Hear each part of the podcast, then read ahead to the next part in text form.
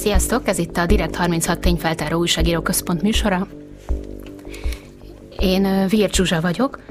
Ma két témával is foglalkozunk, vendégeink lesznek Szabó András kollégám, a Direkt 36 újságírója, aki a Paksi atomerőmű bővítésének a történetét követi, és egy érdekes, háttérben zajló fordulatról írt cikket nem régen.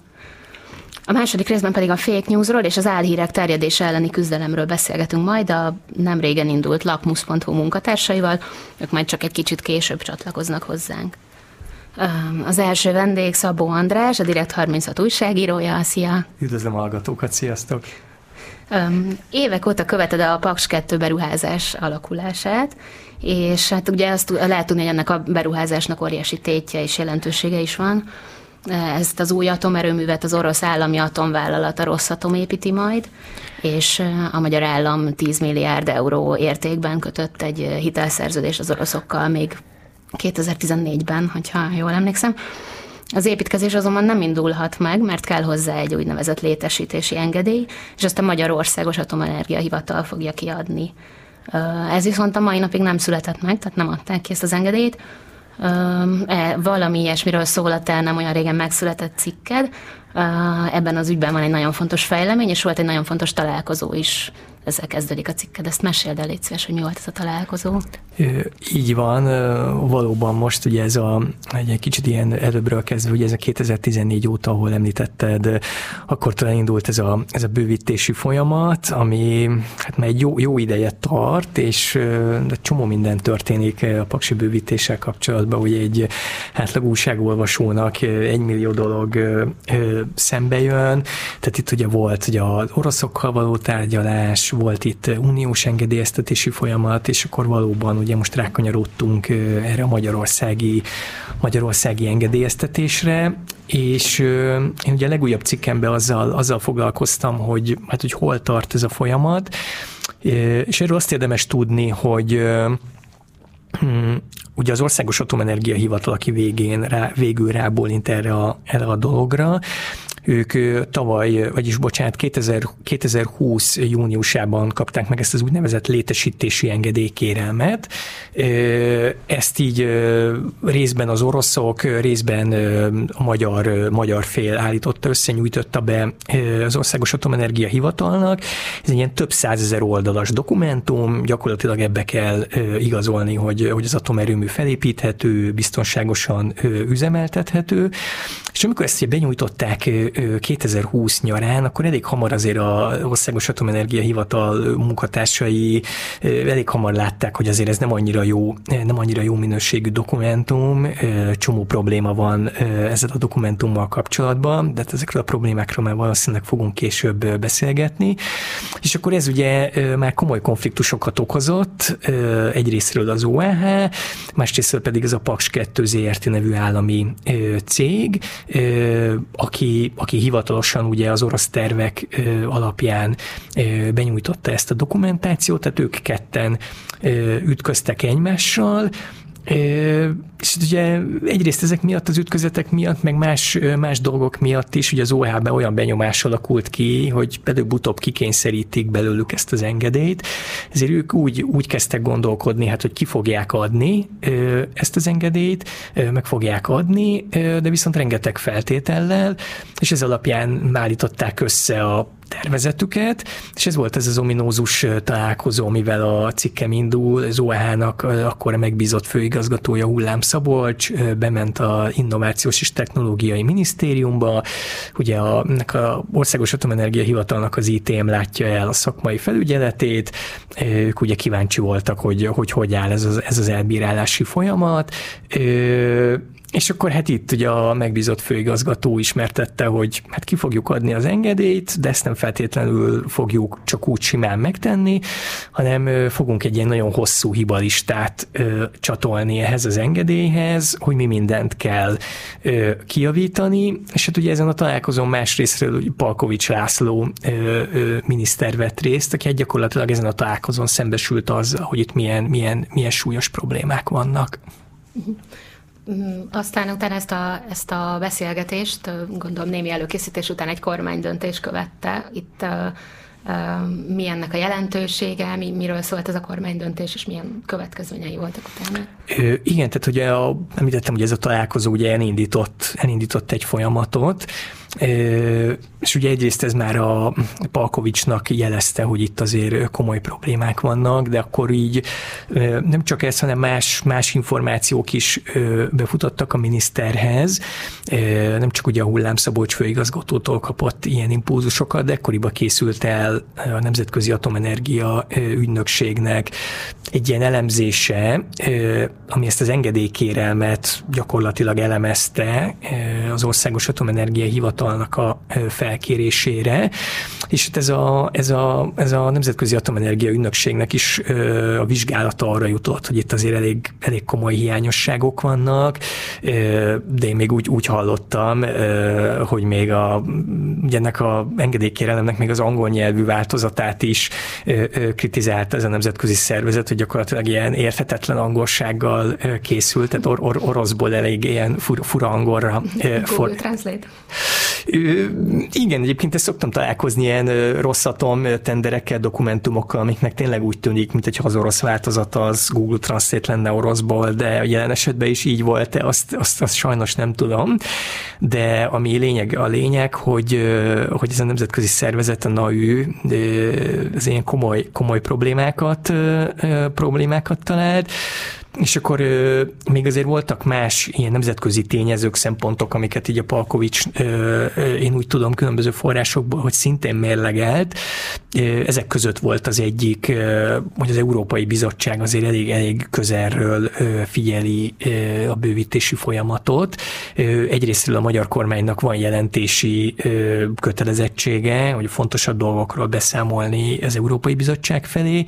Ráadásul itt a Országos Atomenergia Hivatal hivatal élén tavaly tavasszal, 2021 áprilisának a végén volt, volt váltás, korábbi főigazgató váratlanul ment, és ugye ez is nagyon érdekelte az Európai Bizottságot, hogy itt mi történt, hogy történt, főigazgató távozása után is biztosított lesz-e a hivatal független működése, tehát ők azért, azért, azért nagyon-nagyon figyeltek, plusz meg Ausztria, aki már viszonylag elég régóta ellenzi a bővítést, tavaly be, benyomtak egy, bedobtak egy új, új szempontot, az osztrák környezetvédelmi ügynökség megbízásából osztrák geológusok készítettek egy tanulmányt, ami, ami arra jutott, hogy szerintük ez a paksi helyszín, hát földrengés biztonsági szempontok alapján nem egy, nem egy jó helyszín, és szerintük alkalmatlan a beruházásra. Úgyhogy ezeket, ezeket, ezt egy csomó, csomó dolgot mérlegelve a Palkovics azt gondolta, hogy hát ilyen, ilyen, ilyen környezetben egy ilyen, ilyen szakmai problémáktól hemzsegő engedélykérelemre nem igazán lenne szerencsés igent, igent mondani. És ugye ez a kérdésedben, ez a kormányzati konfliktus, ez pont, pont, pont ekkor robbant ki, amikor ő Süli Jánossal, aki a projektért felelős miniszterrel hát közölte ezeket a fenntartásokat, problémákat, és akkor én a, a forrásaimtól, akik azért elég, elég közelről követik a, ezeket a dolgokat, én úgy, úgy értesültem, hogy a két miniszter között azért egy ilyen éles konfliktus robbant ki ezt követően. Ugye Süli szerette volna, ha a projekt megkapja a bővítést, ugye ő, ő, ő felel ezért a projektért, nyáron, nyáron tett egy csomó olyan nyilatkozatot, ami arról szólt, hogy, hogy meg fogják kapni az engedélyt, Ráadásul ugye az orosz fél felé, én úgy tudom, azt az orosz fél felé is ezt kommunikálta Süli, hogy meg lesz az engedély. Ráadásul ugye ő felügyeli ezt a PAS 2 ZRT-t, ami hivatalosan beadta az engedélyt, tehát gyakorlatilag az ő csapata állította össze ezt az engedélykérelmet, és hát nyilván ő meg volt győződve, hogy ez így jó, meg minden, minden, minden oké okay vele, és hát ő nagyon-nagyon nem örült ezeknek az információknak, amik, amik a Palkovics irányából jöttek felé, és akkor végül ennek a kormányzati konfliktusnak az lett a feloldása, hogy ez a két miniszter közti vita egy ilyen magasabb kormányzati szintre lépett, és hát végül ugye szeptember utolsó napjaiban az, az a döntés született, hogy így ebben a formában nem lehet kiadni az engedélyt. Uh-huh. És aztán, amikor ez a döntés megszületett, akkor utána volt egy személyi változás is. Így van. Az Atomenergia Hivatalnak az élén. Így van. Mit tehát, jelzett ez, és mi volt ez? Így van. Tehát amikor megszületett ez a, ez a kormányzati döntés, akkor ugye kellett, kellett találni egy embert, aki ezt keresztülveri a rendszeren, vagy aki, aki ezt megvalósítja a gyakorlatban, és hát ez lett Kádár Andrea, ő az Innovációs és Technológia Minisztérium egyik helyettes államtitkára volt, 14 óta helyettes államtitkári poszton energetikai ügyekért felelt az ITM-be, tehát pont Palkovics minisztériumában, azt, azt ugye tegyük hozzá, uh-huh. és akkor őt, őt nevezte ki a miniszterelnök szeptember 29-én az OAH élére főigazgatónak. Itt ugye a a dátum az érdekes, hogy ugye szeptember 29-én, ugye szeptember 30-a volt az a határidő, amíg az OAH-nak meg kellett mondania, hogy mit gondol erről az engedélykérelemről, zöld utat ad-e neki, vagy, vagy, vagy hogyan tovább. És akkor egy nappal előtte ugye kinevezik ezt az új embert a hivatal érére, és aztán másnap, szeptember 30-án az OAH-t megszülte a, a, a döntését, ez egy ilyen rövid, rövid közleményből derült ki, és hát ez arról arról, arról szólt, hogy, hogy az OEH nem rendelkezik elég információval, elég adattal, még, még több információra, még több elemzésre, még több adatra van szükségük, és ezek beszerzéséhez berendeltek egy hiánypótlást, tehát ergo nem született meg az engedély. Azt szerettem volna még kérdezni, hogy ugye ezt az engedély, kér, ezt az engedély elutasítást, vagy hát a hiánypótlásra felhívó határozatot azt nem akarták nyilvánosságra hozni, viszont neked, ha jól tudom, akkor mégis sikerült megszerezni ezt a dokumentumot. Mi volt benne, és milyen, milyen egyáltalán milyen hibákra, milyen hiányosságokra hívták fel a figyelmet? Ugye gyakorlatilag már nyár óta, nyár eleje óta próbálok egy emberekkel, paksi bővítést közelről követő emberekkel, forrásokkal beszélgetni, hogy, hogy ebbe a engedélykérelembe, ami ugye gyakorlatilag a, az, új, az új atomerőműnek a, az orosz terveit is tartalmazza, hogy itt mik a, mik a problémák, miért nem jók ezek a, ezek a tervek, és ugye nyilván hasznos, amikor az ember háttérbeszélgetéseket tud folytatni különböző forrásokkal, de mégis, mégis jobb, hogyha ezt, ezt írott, írott formában látja, hogy itt milyen, milyen problémák ö, merültek föl. És ugye nyilván se a kormányzati oldal, se az oroszok erről nem, nem, nem szívesen beszélnek, hogy milyen, milyen problémák vannak, ezért gondoltam, hogy milyen jó lenne megszerezni ezt a, ezt, ezt a dokumentumot, ezt az úgynevezett hiánypótló végzést, és először hát megpróbálkoztam közadatkéréssel, ugye az Országos Atomenergia Hivataltól közadatkéréssel kikértem ezt a, megpróbáltam, megpróbáltam kikérni ezt a dokumentumot, és hát ugye mondták, hogy döntés előkészítő anyag, és hát nem, nem adják ki, és hát ezt követően más úton, csatornákon, módokon keresztül azért megismertem megismertem ezt az anyagot, és ez egy ilyen 24 oldalas, elég ilyen nagyon-nagyon szakmai, műszaki, jogi nyelven bíródott laikusok számára elég-elég nehezen értelmezhető dokumentum, és ez azért volt tök érdekes, mert ilyen, tehát ilyen három típus probléma jön, jön vissza állandóan, és az egyik, egyik típus, típus probléma az, hogy, hogy ebbe a ebben nagyon-nagyon hosszú engedélykérelem egész egyszerűen nem, nem, nem stimmelnek az adatok. De, de mi az, hogy nem stimmelnek az adatok? Ugye nekem ezt az egyik, egyik forrás azzal próbálta érzékeltetni, ezt úgy, úgy képzeljük el, hogy, hogy mint hogyha egy mérnök csapat neki áll egy autót megtervezni, és akkor készítenek ezeket a terveket, de akik a, a, a motorért felelős részleg, ők, ők azt írnák be a kerékbe, hogy, vagy a kerékről, hogy ez legyen 18 szolos, aztán van egy tervezésére mondjuk a hajtómű, vagy a a kerék, meg a, meg a más, más, más dolgokért felelős csapatok, meg ilyen 16 vagy 17 szós kerékkel, kerékkel számolnak, ami ugye azt, azt eredményezi, hogy egy, egy, egy dologról különböző adatok meg számok kerülnek be a, a tervekbe, és itt az elég ilyen kusza, kusza dolgot tud eredményezni, tehát az egyik ilyen visszatérő probléma, hogy a, az OAH felhívja mindig arra a figyelmet, hát hogy passzoljanak az adatok, legyenek jók az adatok, fontos lenne az adatok között, összhang legyen, stb. stb. Tehát ilyen megfogalmazás az, az csomószor, csomószor visszajön. A másik, másik típus probléma, meg az OAH úgy látja, hát, hogy nem elég, nem elég alaposak a tervek, hiányoznak, hiányoznak belőle dolgok. Ezt egész egyszerűen néha konkrétan ki is mondják, hogy, hogy bizonyos műszaki információk nincsenek kellő alapossággal bemutatva, tehát így direktbe így kimondják, hogy hiányoznak dolgok, de, de előfordul, hogy, hogy egy, egy, meg egy kulcsfontosságú fejezetbe, hogy az oroszok nem sorolják fel, hogy ott milyen szabványokat szeretnének alkalmazni, amit ugye az OAH ugyancsak szóvá tesz, de az is előfordul, hogy mondjuk egy, egy, egy teljes rendszernek a megtervezéséről azt mondja az OAH, hogy ez, hát ez így elég, elég ilyen, ilyen felszínes, tehát ilyen részleteiben nincs, nincs megtervezve egy komplett informatikai rendszer például. De ami számomra a legérdekesebb a hiányosságok között, az ilyen elsőre ilyen matematikai dolognak tűnik, hogy, hogy azt mondja az OAH, hogy egy, egy, egy konkrét számításnál az oroszok az ő saját Szentpétervári terveikben lévő 50 éves üzemidővel számolnak, miközben Paks 2-t meg ugye 60 évre tervezik, és ez, ez elsőre csak egy ilyen 50-60 év közti eltérés, de itt egész egyszerűen arról van szó, hogy valójában azt csinálják az oroszok, hogy nekik van egy régi Szentpétervári atomerőművük, és ennek a, a terveit, bizonyos részeit egy az egybe átveszik, és odaadták a, odaadták a magyar félnek.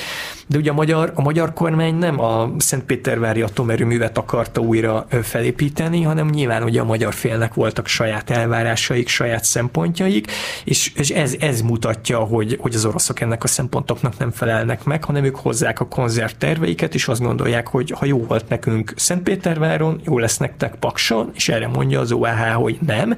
Ez bizony uh-huh. nem jó, mert mi tudjuk, hogy, hogy mit, mit szeretnénk, hogy mi vagyunk a megrendelő fél.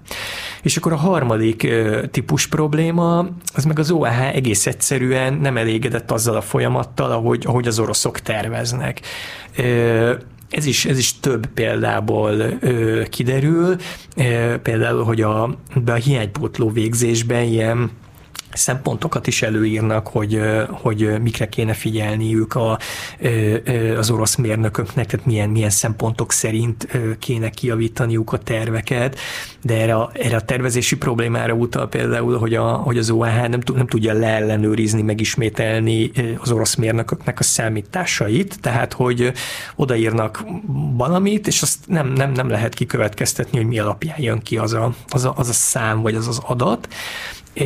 És még egy ilyen, egy ilyen tervezési probléma, hogy azt mondja az OAH, hogy, hogy különböző eszközöknek, meg, meg, meg berendezéseknek nem jó a nukleáris biztonsági besorolása.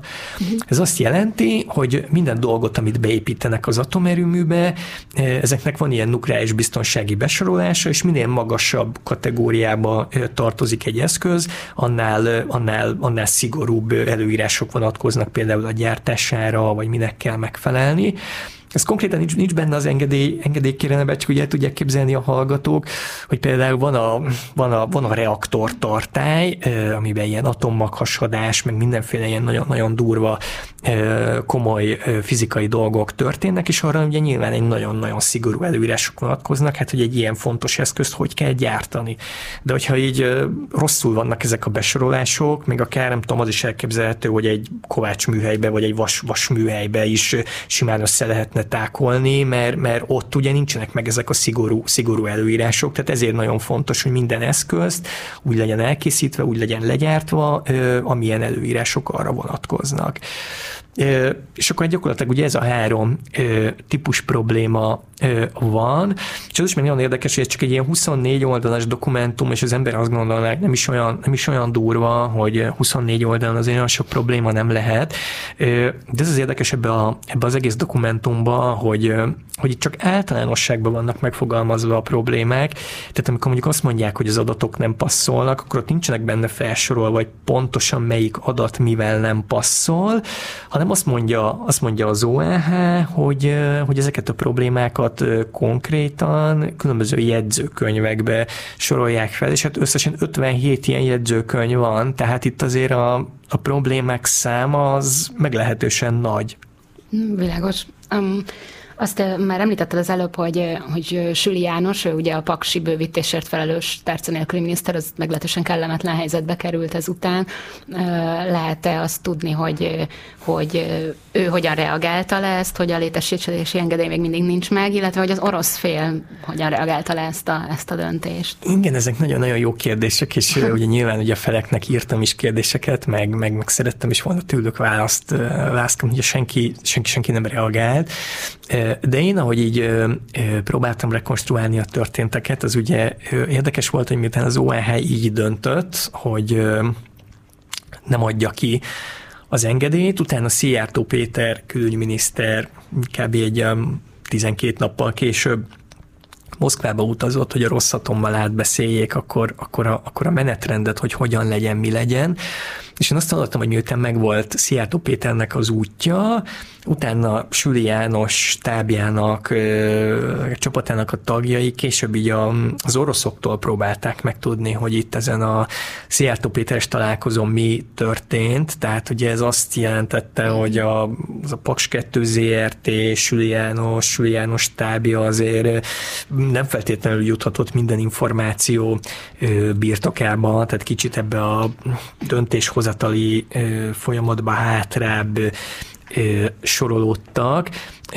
És ugye, tehát hogy már beszéltünk ugye, hogy így az OH-nak új vezetője lett, tehát ez gyakorlatilag már ez egy pofon volt Sül János számára, hiszen őt ugye azzal, azzal a feladattal küldték oda, hogy ne adja meg a, az engedélyt, Ráadásul ugye Süli János, én, én úgy tudom, hogy ő más valakit ö, szeretett volna, vagy más valakit látott volna szívesen az OAH élén, konkrétan a saját államtitkárát ö, ö, Kovács Pált ö, szerette volna, és ugye nyilván ez, ez, ez neki azért is egy nagyon komoly, mert Julián a szemre az is egy komoly presztízsveszteség volt, mert tehát ez a, ez a folyamat, vagy ez a kálvária nem itt kezdődött, hogy, hogy nem kapta meg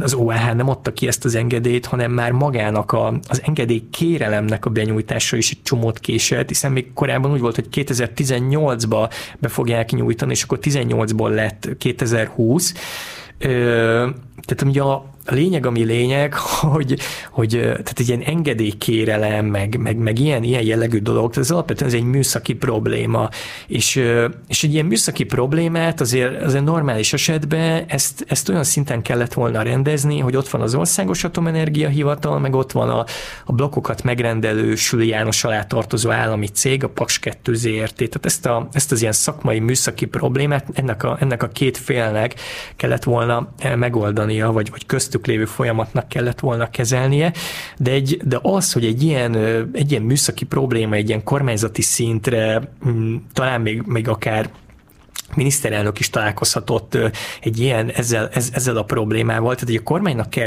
rendezni egy ilyen, ilyen műszaki, műszaki kérdést, azért az, az, az valószínűleg a kormány számára azt az üzenetet hordozhatta, hogy azért ez az egész bővítési folyamat nincs, nincs jól menedzselve, tehát Süli János kezei közül azért ki, kicsúszhattak a dolgok, tehát én az, azt gondolom, hogy ez, ez biztos nem volt egy, egy piros pont uh-huh. Süli, Süli János számára, de hogyha már, már, már így Süli János hibáiról beszélünk, azért az érdekében azt, azt is el kell mondani, hogy az egyedül nem az ő hibája volt, tehát azért itt, itt van az orosz beruházó, a Rosszatom, aki, aki, aki, aki ugye egy kulcsra kész atomerőművet ígért, tehát ugye neki kellett volna olyan terveket, meg olyan, olyan, olyan dokumentációt leadni, ami, ami, ami, ami jó, és hát mhm. ugye ez nem sikerült. Uh-huh.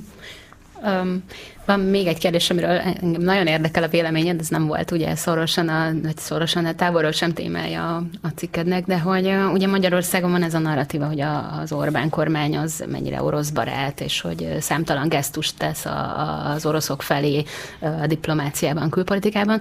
Most viszont, ha jól értelmezem a helyzetet, akkor éppen, hogy nem az történt, amit az oroszok szerettek volna. Mit gondolsz erről, vagy ez nem, nem mennyire egyértelmű, hogyha mondjuk így a Paksi projektnek a, a, a fordulatait nézzük? Igen, tehát itt ugye meg, megint ugye visszakanyarodok oda, hogy sajnos viszonylag kevés, kevés dolgot tudunk a Paksi projektről, annak ellenére, hogy tényleg egy óriási beruházás, az ország egyik legfontosabb beruházása, és hát az, hogy ugye milyen folyamatok, milyen tárgyalások, milyen konfliktusok zajlanak, erről, erről viszonylag keveset tudunk. De én, ahogy próbálom követni a történeteket, azért, történeteket, azért az, az, az látszik, hogy ez ez, ez, egy, ez egy annyira, annyira bonyolult, számos epizód, számos konfliktus, tehát hogy itt nem annyira, nem annyira egyszerű a dolog, hogy a magyar és az orosz félnek milyen a, milyen a viszonya, hanem én, én tényleg azt tapasztaltam, hogy ez esetektől, szituációktól függ, hogy épp a két fél hogyan viszonyul egymáshoz. Csak egy néhány konkrét példát. Hát például ugye nyilván ahogy, ahogy, ahogy épül, épül le, ahogy lassan elindulna az erőmű, ugye be kell, be kell szerezni különböző részeket hozzá, tehát vannak, vannak tenderek, e, és például van egy, van egy ilyen nagyon-nagyon fontos része az atomerőműnek, ez, a, ez az úgynevezett irányítás technika, e, ennek gyakorlatilag a, az a feladata, hogy, hogy a biztonságos, ez egy informatikai rendszer, ami az atomerőműnek a biztonságos működéséért felel, e, hogyha mondjuk az atomreaktorba hirtelen elkezdene nőni a nyomás, akkor ez az informatikai rendszer automatikusan lecsökkenti és féken tartja a folyamatokat, tehát figyelj rá, olyan durva dolgok ne, ne történhessenek az atomerőműben, és a magyar kormány ezt a kulcsfontosságú ö, ö, rendszert, ami nyilván egy ilyen ö, giga, gigatender, itt ragaszkodott hozzá, hogy nyugati beszállítók ö, legyenek, egész egyszerűen azért, mert dolgozott már, Paks egynél is ö, ezek a nyugati beszállítók ö, hozták a rendszert. Ö, más, másik szempontja meg a magyar kormánynak az volt, hogy egy ilyen kiberbiztonsági, hekkelési szempontok miatt azt gondolták, hogy a nyugati beszállítók nagyobb garanciákat adnak. Uh-huh. És én úgy tudom, hogy itt a magyar meg az orosz fél között itt, itt nagyon-nagyon komoly konfliktusok voltak. Ugye az oroszok nagyon akarták, mert ez egy tényleg óriási, óriási értékű munka, de itt végül is a magyar szempontok győztek, és egy francia-német konzorcium hozza ezt a kulcsfontosságú részt. De például egy, egy ennek ellenkezőjére egy másik példa, 2018-ban, amikor, amikor ugye be, említettem, be kellett volna adni ezt az engedélykérelmet, de hogy az oroszok elakadtak a, elakadtak a tervezéssel, akkor az oroszok elkezdtek különböző alternatív módszereket kitalálni, hát hogy, hogy oké, okay, nincsenek tervek, de csináljunk valamit, hogy pörgessük fel ezt az egész projektet, és akkor, és akkor ők ezt az egész engedélyezésű folyamatot ö, fel akarták úgy ö, lazítani, hogy oké, okay, nincsenek készen a tervek, ezeket a terveket nem is engedélyezte az OAH, de ez előtt mi azért valamilyen földmunka, megalapozás, hat, hat kezdhessük el, tehát ez nyilván orosz, orosz érdek volt, és, és ezt így keresztül tudták verni a magyar félen, és hogy ez, ez megtörténhessen, még egy olyan jogszabályt is kellett módosítani, amihez a bizottság jóváhagyása kellett. Tehát itt, itt ebben az esetben az orosz fél lenyomta, lenyomta a magyar felet. Tehát ezt a két példát azért mondom, hogy van, van erre is példa, hogy a magyar fél kerekedik felül, de van arra is, hogy az orosz fél kerekedik felül. Iszonyatosan komplex dolog, rengeteg, rengeteg lehetséges konfliktussal, és itt ebben a konkrét esetben, hogy, hogy végül ez a döntés született, hogy az OAH nem adta ki, itt is mutatja, hogy ez egy, hogy egy politikai érdekekkel szemben ilyen szakmai, szakmai érdekek kerekedtek felül. Hát nagyon szépen köszönöm, hogy ezeket elmondtad, András. Ja, és akkor remélem, hogy továbbra is fogod majd követni, hogy mi történik ezzel a, ezzel a nagyon-nagyon bonyolult folyamattal. Köszi szépen! Igyekszem, köszönöm a lehetőséget, sziasztok! Vendéget cseréltünk itt a szünetben, pontosabban hárman is érkeztek, ők a, a bő egy hónapja indult tényellenőrző oldal a lakmus.hu munkatársai és vezetői. Név szerint Zöldi Blanka főszerkesztő, Neuberger Eszter újságíró, és Erdélyi Péter lapigazgató. Sziasztok! Hello! Hello! Szia! Um, ott szeretném kezdeni, hogy tegnap olvasgattam az oldalatokat nagyon alaposan, és, és így akkor döbbentem rá, hogy, hogy mennyire nagyon sokfélék is a, az interneten, vagy hát így a közbeszédben terjedő hamis, félrevezető információk. Itt egy csomó kifejezés létezik rájuk, a, nem csak ugye a fake news, hanem nem tudom, dezinformáció, téves információ, hoax, bullshit, városi legenda, összeesküvés elmélet, ugye, és, és még, még lehetne is folytatni, és, és hát az jutott eszembe, hogyha valamire tényleg ennyiféle kifejezés létezik, akkor az azt mutatja, hogy azért itt már egy nagyon nagy problémáról van szó. Egy, el tudjátok-e mondani, kicsit érzekeltetni, hogy mégis mekkora ez a, ez a probléma tömeg, amire, amire szeretne a lapmusz választ adni? Növekszik-e a, a hamis információk, hamis hírek jelentette fenyegetés, és hogyha, hogyha, hogyha így van, akkor, akkor mi okozza, vagy mi az, ami generálja ezt a változást, ezt a növekedést? Sziasztok! Hát én akkor uh, belekezdek ebbe szívesen. Uh, hát mi is azt érezzük, hogy, uh, hogy rengeteg, rengeteg dolgunk van, hogyha, hogyha nekiállunk uh, foglalkozni ezzel, hogy a, a különböző interneten terjedő, megalapozatlan, tényszerűtlen állításokat próbáljuk megvizsgálni, illetve, illetve megcáfolni. Igazából mindig, mindig megjelentek a, ugye a közbeszédben félrevezető információk, ami, ami az elmúlt időszakban változik, az az, hogy, hogy sokkal több platformon, és, és sokkal elterjedtebben képesek, képesek ezek az információk igazából a nyilvánosságban, nyilvánosságban terjedni. Tehát a, amennyivel több a platform, annyival, annyival nagyobb ezeknek a, az információknak a, a súlya is.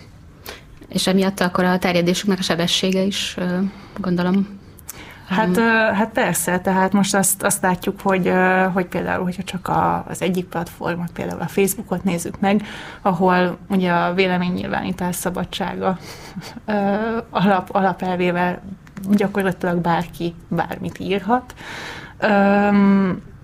és ezt, ezt igazából több, több ezren, több tízezren nagyon-nagyon gyorsan meg tudják osztani egymással, úgyhogy, úgyhogy valójában ez a, ez a terjedés sebességét is igen nagyban befolyásolja. Meg szerintem az is azért sokat változott, hogy, hogy a ki, kiknek mekkora hatása lehet egy hülyeséggel. Tehát a, most pont a, ezt te csináltad meg, nem a tegnap a, egy ilyen teljesen közember, vagy egy átlag ember Facebookján írt egy nagyon zavaros hülyeséget a, a koronavírusról, és nem tudom hányan, 17 ezeren osztották meg január 13-a óta, illetve Aztán. tegnap jelent meg a cikk, és tele volt igazából uh, jelekkel, uh, ami, amik így arra utalnak, hogy ez egy gyanús tartalom, de hogy úgy látszik, hogy ez nagyon sokaknak uh, nem, nem kelt egy gyanakvást. Az hozzá kell tenni, hogy nagyon sokszor úgy terjednek ezek a hírek, hogy kifejezetten uh, buzdítanak arra, hogy oszd meg uh, és nagyon sokszor ilyen érzelmekre hajaznak, oszd meg, hogy vége legyen a Covid rettegésnek, uh-huh. hozd meg, hogy, hogy mindenki megismerje ezt a jó szívű péklegényt, aki osztogatja a kenyerét, valójában nem is osztogatja, és akkor így emberek ö, eleget tesznek ennek a kérésnek, mert azonosulnak vele, ö, és így nagyon-nagyon meglepő számok tudnak kijönni. Hogy uh-huh. Szerintem az, az nagy változás, hogy korábban is voltak mindenféle ö, súlyos álhírek, de széles körben nagyon korlátozott volt azoknak a szereplőknek a száma, akik ezeket tudták terjeszteni, mert ahhoz kellett valamilyen intézményi háttér. Ettől még voltak mindenféle káros, meg súlyos esetek, de lényegesen kisebb szem volt az a kör, aki ezt csinálhatta. Most pedig az nagyon nagy változás,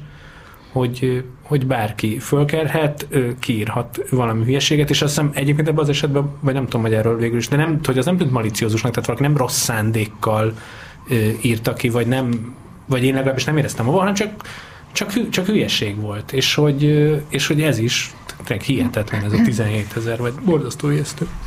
Bocsánat, csak igen, az az x fordítás, amit megtalálunk, annak a közétevője nem, de hogy aki elindítja, nem, nem tudom, tehát hogy így ö, nem tudjuk az intenciókat. Persze soha nem arról szól, hogy, hogy így megítéljük azt, aki indítja, érdekes lenne mindig megtalálni azt az éró embert, aki csinálja, és, és így kideríteni, hogy mi volt ezzel a szándéka. Bocsánat, csak hogy ne teljesen a levegőbe beszéljünk, ugye ez egy arról szólt, hogy a koronavírus ez nem is vírus, hanem baktérium, és nem is oltás kell ellene, hanem aspirin.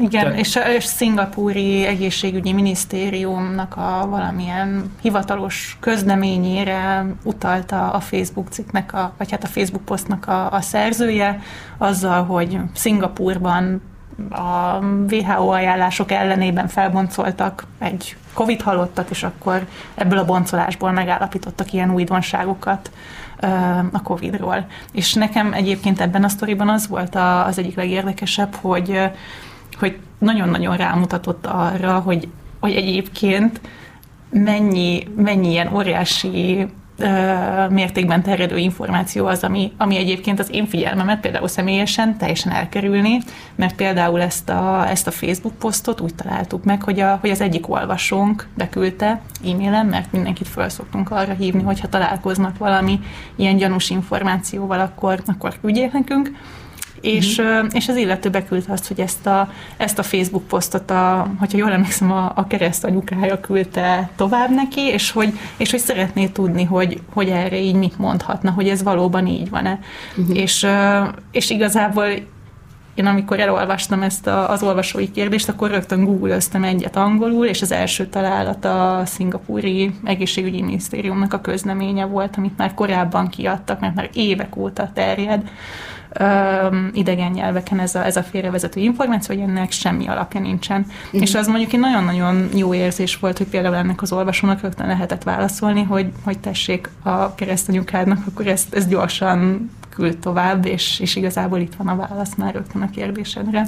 És mi lehet a kulcs annak, hogy mondjuk ennek az olvasónak a keresztanyukája az ennyire egyszerűen elhiszi ezeket a tök ellenőrizhetetlen forrásból származó, sok ember számára nyilván, nyilvánvalóan hülyeségeket. Tehát, hogy ez, ez mi, mi az, ami, ami, a, ami arra veszi rá az embereket, hogy, hogy ezeket a híreket, ezeket a információkat elhiggyék.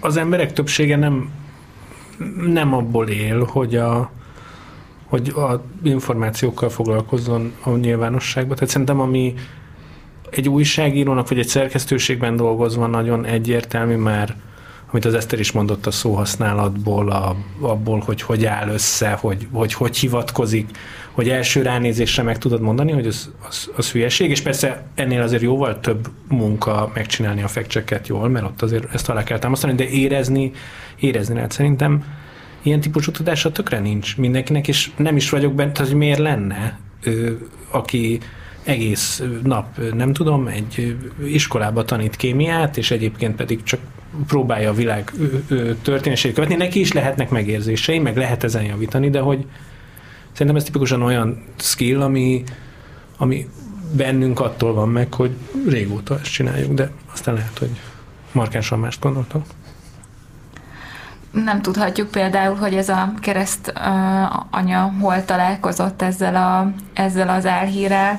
Nagyon könnyen uh, uh, terjednek ilyenek uh, témaspecifikus Facebook csoportokban, ahova az emberek uh-huh. már eleve azért csatlakoznak, mert meggyőződésszerűen hisznek abban, hogy, hogy, hogy a koronavírust azt, azt egy magasabb hatalom rászabadította a világra, vagy hogy a vakcinákat azért fejlesztették ki, hogy az emberiséget ö, mérgezzék vele, szóval, hogy, ö, hogy, ö, hogy nagyon sokszor ezekben a csoportokban már olyan emberek vannak, akik ö, akik meggyőződésekkel érkeznek oda, és amik ott terjednek, ö, azokat kisebb eséllyel kérdőjelezik meg. Uh-huh. A másik lehetőség egyébként az is, hogyha valaki olyan embertől hallja ezt az információt, vagy olyan embernél látja megosztva, akiben úgy egyébként bízik, meg akit megbízható információforrásnak tart, és ezzel kapcsolatban azért nekünk is így érdemes azért önkritikát gyakorolnunk, mert az, az a mi esetünkben is, mindenkinek az esetében nagyon-nagyon általános, tehát hogy, hogy a, a saját véleménybuborékunkban abban kényelmesen vagyunk, és megbízunk benne. Bocsánat, telefon. Valakinek a keresztmámája telefon. Igen. Halló? Sziasztok, Vas vagyok, bocsánat, hogy belezavartam a műsorba. Szia! Szerintem ott van a kulcs benne, én legalábbis ott látom, hogy oly sok kérdésben ebben is hitek vannak, és nem, nem tények. És ezek a csoportok, amiket így a Facebookon ezzel kapcsolatosan találtok, ezek ilyen, hát kvázi vallási szektaként működnek. Kinyilatkoztatások vannak, van egy alapvető hitvilág, ez tartozik liturgia, lári, fári, minden, ami így a vallásokhoz szokott, és ebbe kívülről nem nagyon lehet sem megérteni őket, sem beleszólni, mert, mert hit kérdésről ugye nem nagyon lehet vitatkozni érvekkel.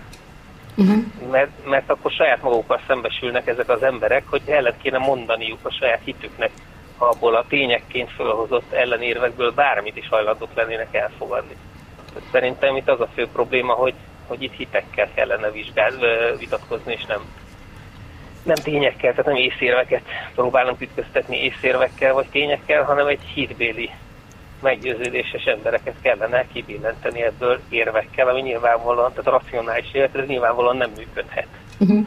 Hát, uh, köszönjük szépen, egyébként itt most félig uh, már fel is tetted a következő kérdésemet. Akkor hallgatok, szép Köszönöm szépen, szia! Mert hogy éppen arra szerettem volna rátérni, igen, tehát itt ilyen, ha, ha tényleg egyetértetek azzal, hogy itt ilyen hitbéli dolgokról van szó nagyon sokszor, és ugye ott arról beszélgetünk, hogy, hogy már kint van egy hamis információ, már nagyon sokan beszélnek róla, nagyon hangosan beszélnek róla, tényként fogadják el, vagy hát őszintén hisznek benne, akkor szerintetek mennyire tudja megállítani a, ennek a terjedését az, hogyha lelepleződik a hamissága? Tehát, hogy van-e szerintetek az igazságban is ugyanakkor a terjedési potenciál, mint, mint a hazugságban?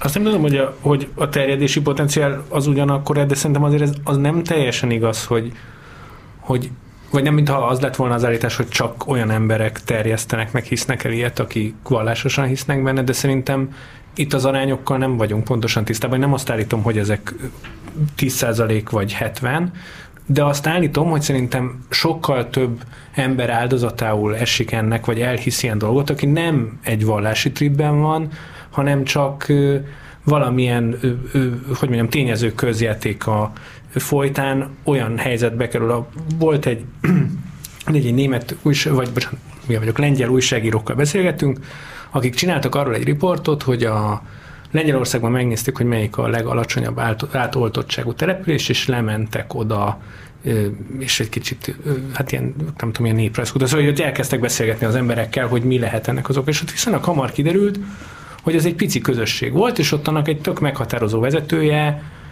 meghalt az oltás mellékhatásaként, mert ugye ez valóban létezik. Egyébként az oltásnak lehetnek veszélyes mellékhatásai, ezek nagyon ritkák, és a, sokkal veszélyesebb a, a koronavírus, de ettől még ez egy létező dolog. Hogyha valakinek ilyesmi történik a környezetében, akkor ott, tehát hogy mondjam, sokkal fogékonyabb lesz, és ezek az emberek nem voltak a, az alufólia sisak szekta tagjai, már a kezdettől fogva, hanem például nagyon a közeli környezetükben volt valami ilyesmi, és ebben az értelemben szerintem vannak kifejezetten sokan lehetnek, akik meggyőzhetőek, vagy akiknek legalábbis fontos, nem meggyőzés nem jó szó, de hogy akiknek releváns, hogy mutassunk megbízható, ellenőrzött információt, és aztán eldönthetik, hogy mit akarnak csinálni. Az biztos, hogy a nagyon súlyos Facebook csoportban ez valószínűleg annyira nem jól működik. Igen, valószínűleg aki beküldi nekünk, hogy ellenőrizzük, abban, abban már megvan az a, az a, az a szkepszis, hogy, uh-huh. hogy ezzel itt valami, valami talán valami, valami dolog lehet. Ö, ugyanakkor visszatérve a, a hallgató megjegyzésére, hogy, hogy, hogy tényleg, tényleg ennek az ilyen a zárt Facebook csoportokban a, az ilyen hív, hit alapon, meggyőződés alapon gondolkodó, mondjuk a Covid-ról gondolkodó embereknél tényleg nagyon megfigyelhető ez a, ez a közösség érzés, ami abban is megnyilvánul, hogy, hogy, hogy ilyen üldözöttség érzés vagy narratíva van ö, ott jelen, ami abban is megjelenik, és most itt vissza, visszatérnék erre a cikkre, ami nekem az első ilyen ö, csengő volt, ami így ami így jelezte, hogy itt valami gond van ezzel a poszttal, az az, hogy, hogy a COVID az nem volt, nem volt rendesen kiírva így folyamatosan, hanem hashtagekkel meg volt szakítva, uh-huh. ami, ami például egy ilyen tipikus stratégia arra, hogy a mesterséges intelligencia ne ismerje fel a szöveget, és mind gyanús tartalmat aztán ne tudja törölni, és nagyon sokszor látni, hogy az oltásnál a, az ó helyett nulla van, tehát hogy ezek is, ezek is ez a, a rejtőzködés uh-huh. stratégiái. Halló? Sziasztok! Ö, ö, bocsássatok meg, most kapcsolódtam csak be a beszélgetésbe, de gondolom most itt a, a lakmuszról, meg a, ezekről a, a fact-checker oldalról van szó, igaz? Igen, egész pontosan.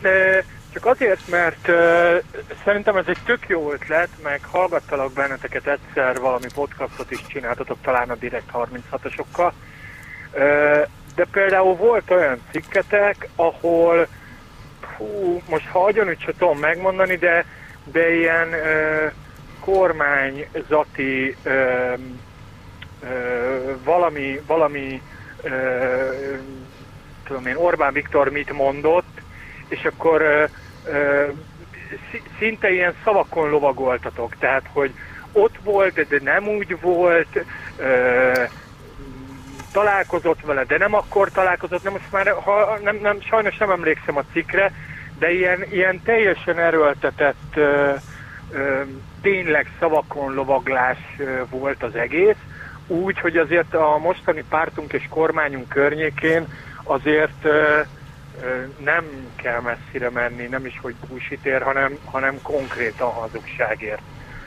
Viszont az, az meg tök jó, hogy, hogy amikor meg meg igaz valami, akkor meg leírjátok, hogy ez igaz.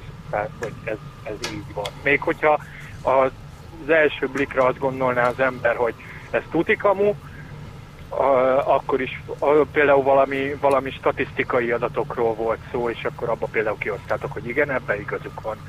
Szóval további sok sikert, csak hogy szerintem az ilyen, ilyen tényleg nyelvi, nyelvi dolgokban már felesleges belemenni. Ö, le is rakom, hallgatlak tovább benneteket. Sok Köszi szépen, szia! Köszönjük!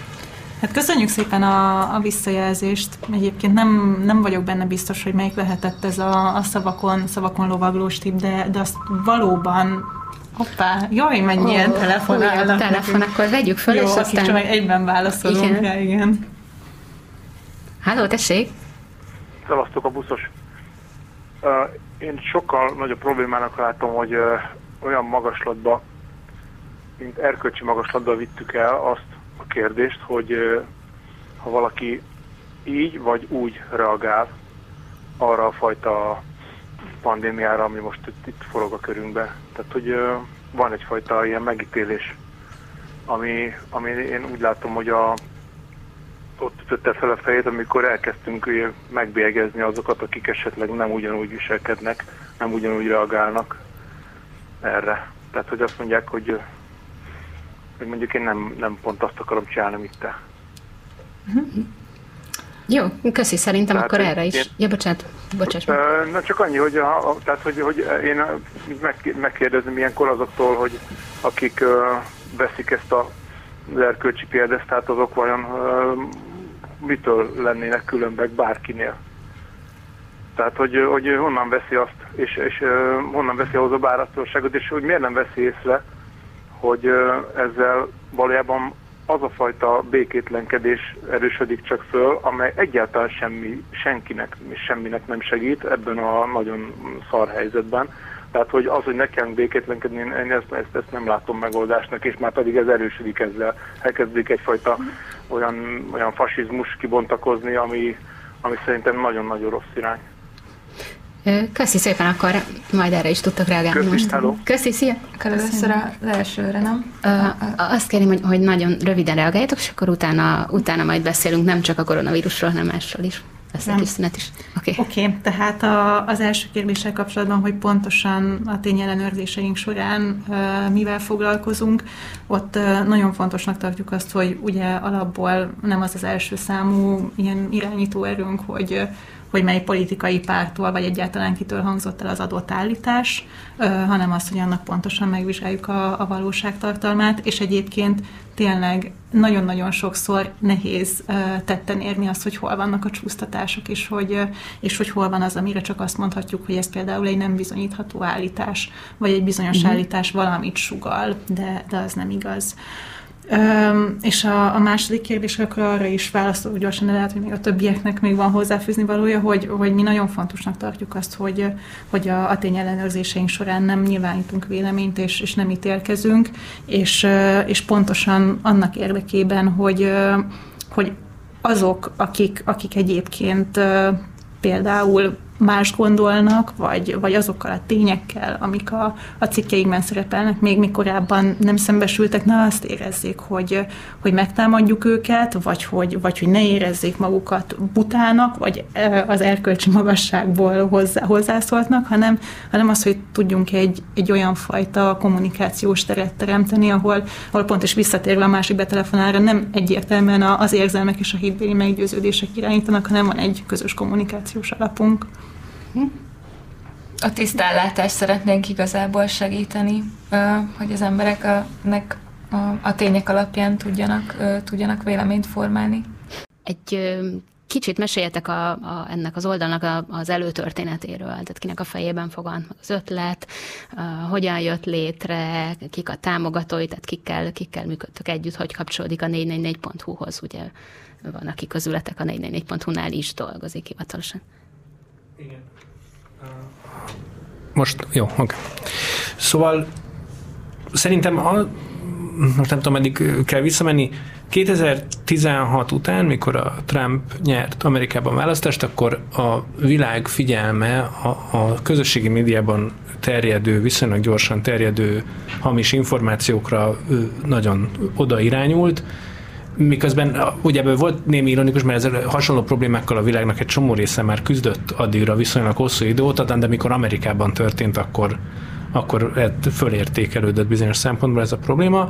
Viszont ennek az is lett az eredménye, hogy ténylegesen több szó esett erről a világ nyilvánosságában, egy csomó döntéshozó elé jobban oda került ez a probléma, jobban aggasztotta bizonyos embereket, és ettől elkezdődött szerintem így a sajtóban is egy gondolkodás arról, hogy ezt mit lehet csinálni, kellett csinálni, mit lehet csinálni, és nyíltak bizonyos források is, mert ugye azért ez a tényellenőrzés is olyan műfaj, mint mondjuk azt hiszem a Direkt 36 is, hogy viszonylag drága, de, és nagyon nehezen finanszírozható a piacról. És aztán tavaly előtt volt egy Európai Uniós pályázat, amit a bizottság írt ki, kifejezetten ilyen a tagországokban működő kisebb méretű média cégeknek, most a 444 az Magyarországról nézve nem annyira kicsi, de mondjuk az Európai Unió más részéről nézve azért nem is olyan borzasztó nagy, és kírtak egy pályázatot, amin mi elindultunk az AFP francia hírügynökséggel közösen, meg a meg a Média Univerzális Alapítványon, akik az ELTE média szakon ö, ö, kutató, ilyen média álhírekkel foglalkozó kutatókkal, és ezt a pályázatot nyertük meg, és ez a pályázat finanszírozza nagy részét a lakmusz tevékenységének, a többit pedig, hát ezek mind résztámogatós pályázatok, a többit pedig most mindegyik szereplőnek magának kell betennie, és ilyen szempontból elsősorban ezekkel működünk együtt, akik benne vannak ebbe a konzorciumban, tehát az AFP-vel, meg a Media Universalis-szal, de hát csak most indultunk, tehát hogy talán ma van pont egy hónapja, vagy holnap lesz? 11-én. És nem tudom, azban nem tudom, hogy 8 van. Három mindjárt. nap múlva lesz pont egy hónapja. Mm. Szóval, hogy azért lehet, hogy még ennél egy hosszabb lista lesz azokról, akikkel ilyen vagy olyan formában együttműködünk. Az látszott, hogy a magyar nyilvánosságban is erre valahogy nagyon vártak, tehát hogy amikor elindult viszonylag hangos, és szerintem többnyire azért pozitív fogadtatás, tehát nem kizárólag, de azért, azért sok szempontból igen. Egy csomó nemzetközi megkeresés is jött, és az elmúlt egy hónapban, hát nem tudom én a Blankával most már nem tudom, hat vagy nyolc különböző ilyen lehetséges más projektekről, a tényellenőrzéshez kapcsolódó mindenféle projektekről tárgyaltunk, tehát, hogy az látszik, hogy erre azért van nagy igény itthon is, meg külföldön is, és ennyi talán az indulásról elég. Mi az, amit, tehát a, ugye most kellett kitalálnatok, hogy hogy fog kinézni ez az oldal, egyáltalán mihez nyúltok hozzá, milyen szempontok alapján milyen nyúltok a témákhoz, tehát mi az, amit érdemesnek tartotok arra, hogy ellenőrizzétek? Mm, igen, ezzel, ezzel kapcsolatban sokat, sokat gondolkodtunk még az oldalnak az indulása előtt, a, azt, azt megelőző két hónap gyakorlatilag erről szólt, hogy, hogy a, a kollégáinkkal végignéztünk nemzetközi példákat, milyen, milyen jó gyakorlatok vannak, és mik azok, amiket mi át szeretnénk ültetni. Igazából azt figyelembe véve, hogy a magyar kontextusban szerintünk minek van most leginkább értelme. És és viszonylag egy ilyen pontos módszertant építettünk föl saját magunknak, ami, amiben azt mondjuk, hogy mi, mi olyan, olyan állításokkal foglalkozunk, amelyek széles körben terjednek, és, és vagy potenciálisan nagyban befolyásolják az embereknek az életét. És ebbe ugye hát egy viszonylag, viszonylag tág mm, merítés beletartozhat, ami a legnagyobb kérdés volt a, az indulásunkkor, az az, hogy például politikai témákkal fogunk-e foglalkozni, azért, mert nemzetközileg azt látjuk, hogy, hogy egy csomóan inkább, inkább azoktól távol maradnak, és egyébként Magyarországon is eddig ez volt a, a gyakorlat, voltak, voltak már kisebb um, álhírekkel foglalkozó oldalak, például a francia hírűnösségnek, az AFP-nek a Ténykérdés nevű oldala, akik tavaly tavasszal indultak, illetve az Urban Legends nevű oldal, amelyet már évek óta működtetnek, és viszonylag nagy olvasótáboruk is van. Viszont ez a két oldal például egyáltalán nem koncentrál politikai közéleti hírekre, és mi viszonylag korán meghoztuk azt a döntést, hogy hogy a jelenlegi magyar helyzetben megkerülhetetlen az, hogy, hogy politikai témákkal is foglalkozzunk, és egyébként ez minket is nagyon-nagyon érdekel, főleg így a választásokhoz közeledve ennyire több a, az olyan, olyan hamis, megalapozatlan, nem tényszerű információ, ami igazán, igazán nagyban befolyásolja azt, hogy, hogy az emberek mit gondolnak a világról, és milyen döntéseket hoznak, úgyhogy is szeretnénk ahhoz hozzájárulni, hogy, hogy az emberek a, a rendelkezésre álló információk alapján hozhassanak döntéseket. És ezeken belül mondjuk politikai témákban hogyan válogattok, mert azért az nem egy nagyon meglepő dolog, hogy politikus olyasmit mond, ami nem tényszerű, tehát ezek között hogyan választottatok? Mondjatok akár pár példát is, eddig mihez nyúltatok?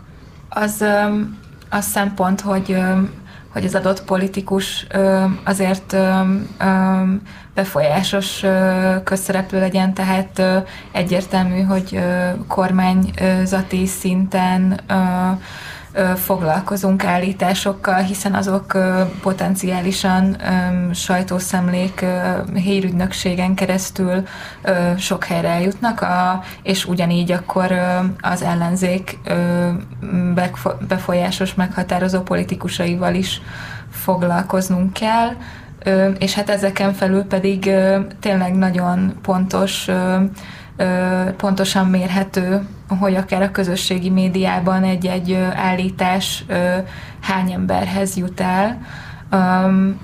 Ellenőriztem a múlt héten vagy két héttel ezelőtt Kovács Ákos dalszerző állítását a koronavírussal kapcsolatban is, mert hogy ő egy nagyon nagy követőtáborra rendelkező, vagy rajongótáborra rendelkező személy most meg nem akarom a Covid-ot visszahozni, csak így az a, a, a, a kiválasztási szempontok kapcsán akartam ezt. De hát még a politikánál marad a például azt szerintem a Márkiza ilyen szempontból jó volt, ugye ott a, a miniszterelnök gráci gyógykezelése történt, nem történt, ez ugye a magyar nyilvánosságban nem tudom, egy 30 éve keringő, vagy az egyik azok közül az ilyen ilyen legendák, soha, soha nem bizonyított, nem, nincs teljesen egyértelmű, hogy mi lenne az alapja. Szerintem itt mindig, igen, ezt a két dimenziót kell mérlegelni. Mennyire sok közhatalma vagy befolyása van annak, aki mondja, és mennyire nagy a, ferdítés, vagy mennyire megalapozatlan az állítás, ennek a kettőnek a metszete fogja kiadni, hogyha a Orbánnak erről az állítólagos, soha nem bizonyított gráci gyógykezeléséről a nem tudom, bajai helyi jelölt mondott volna valamit, és bocsánat, nem tudom, hogy ki a helyi bajai jelölt, nem akarok ezzel semmit mondani, csak ez jutott eszembe, akkor azt szerintem könnyen lehet, hogy nem kellett volna, vagy szóval, hogy az nem lett volna ö, téma a lakmuszon, és az is lehet, hogyha a Márkizaj Péter, de, de mondjuk más hogyan fogalmazta volna meg, vagy, vagy más típusú állítást, tehát ami, ami nem ennyire élesen egy, egy tényleg nagyon régóta megolapozatlanul keringő, de viszonylag azért, hogy mondjam, káros, vagy egy nagyon erős állítás, implicit állítású plegykát van, akkor, akkor megint nem, ezt szerintem egyenként lehet csak jól eldönteni, de a, de a szerkesztőségnek szerintem erre tök jó elvei vannak, amikhez be lehet illeszteni. Az arányokra is egyébként próbálunk figyelni, az olvasói igény is, hogy hogy kormány, kormánypárt és ellenzéki politikusok állításait nagyjából hasonló, hasonló mennyiségben uh-huh. ellenőrizzük, hogyha valaki, ez nekünk is fontos volt, hogyha valaki ránéz a lakmuszra, akkor fel sem merülhessen benne, hogy, hogy, hogy mi bármilyen szinten is elfogultak vagyunk. Másrészt meg az is érdekes volt, mert az indulásunk előtt gondolkodtunk, azon próbáltuk így megjósolni egyébként, hogy mi, mik lesznek azok a témák, amikkel valószínűleg foglalkozni fogunk, és azért látjuk, hogy, hogy az elmúlt években is, vagy hónapokban azért voltak olyan topikok, amik így vissza-visszatérően megjelentek, és előre meg tudjuk jósolni, hogy a következő hónapok is miről fognak szólni.